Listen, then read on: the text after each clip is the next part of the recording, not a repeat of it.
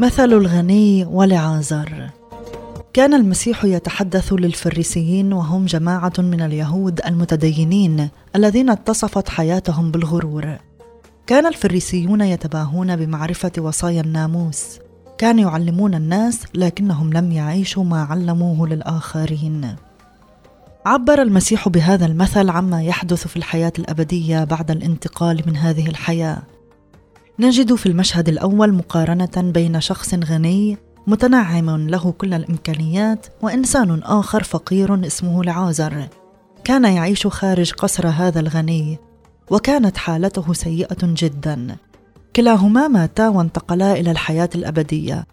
والمسيح هنا يؤكد أن الموت الجسدي ليس نهاية الحياة لكنه انتقال من الحياة كما نعرفها في الجسد إلى الحياة الأبدية. المشهد الثاني يعكس لنا ما يحدث في الحياة الأبدية حيث اختلفت الصورة تماما.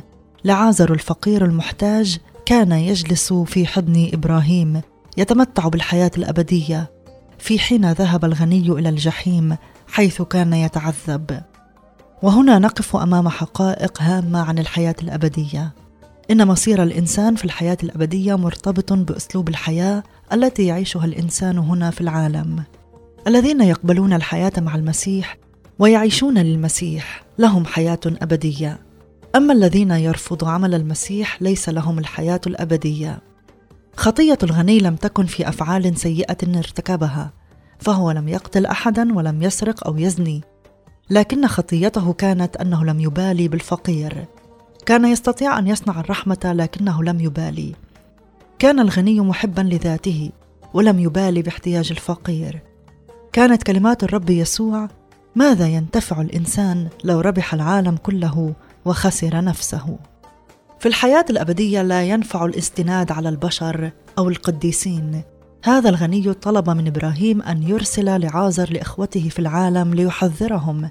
قال له إبراهيم ولو قام واحد من الأنبياء لا يؤمنوا وهذا ما حدث بالفعل في أيام المسيح.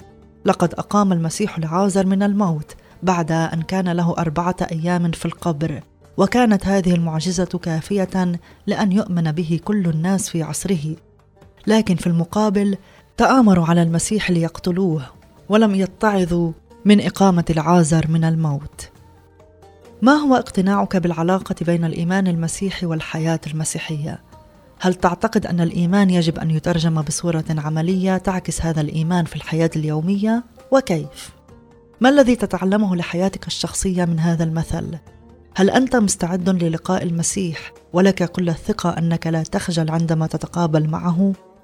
اصلي أن تكون هذه الحلقة بركة لحياتك.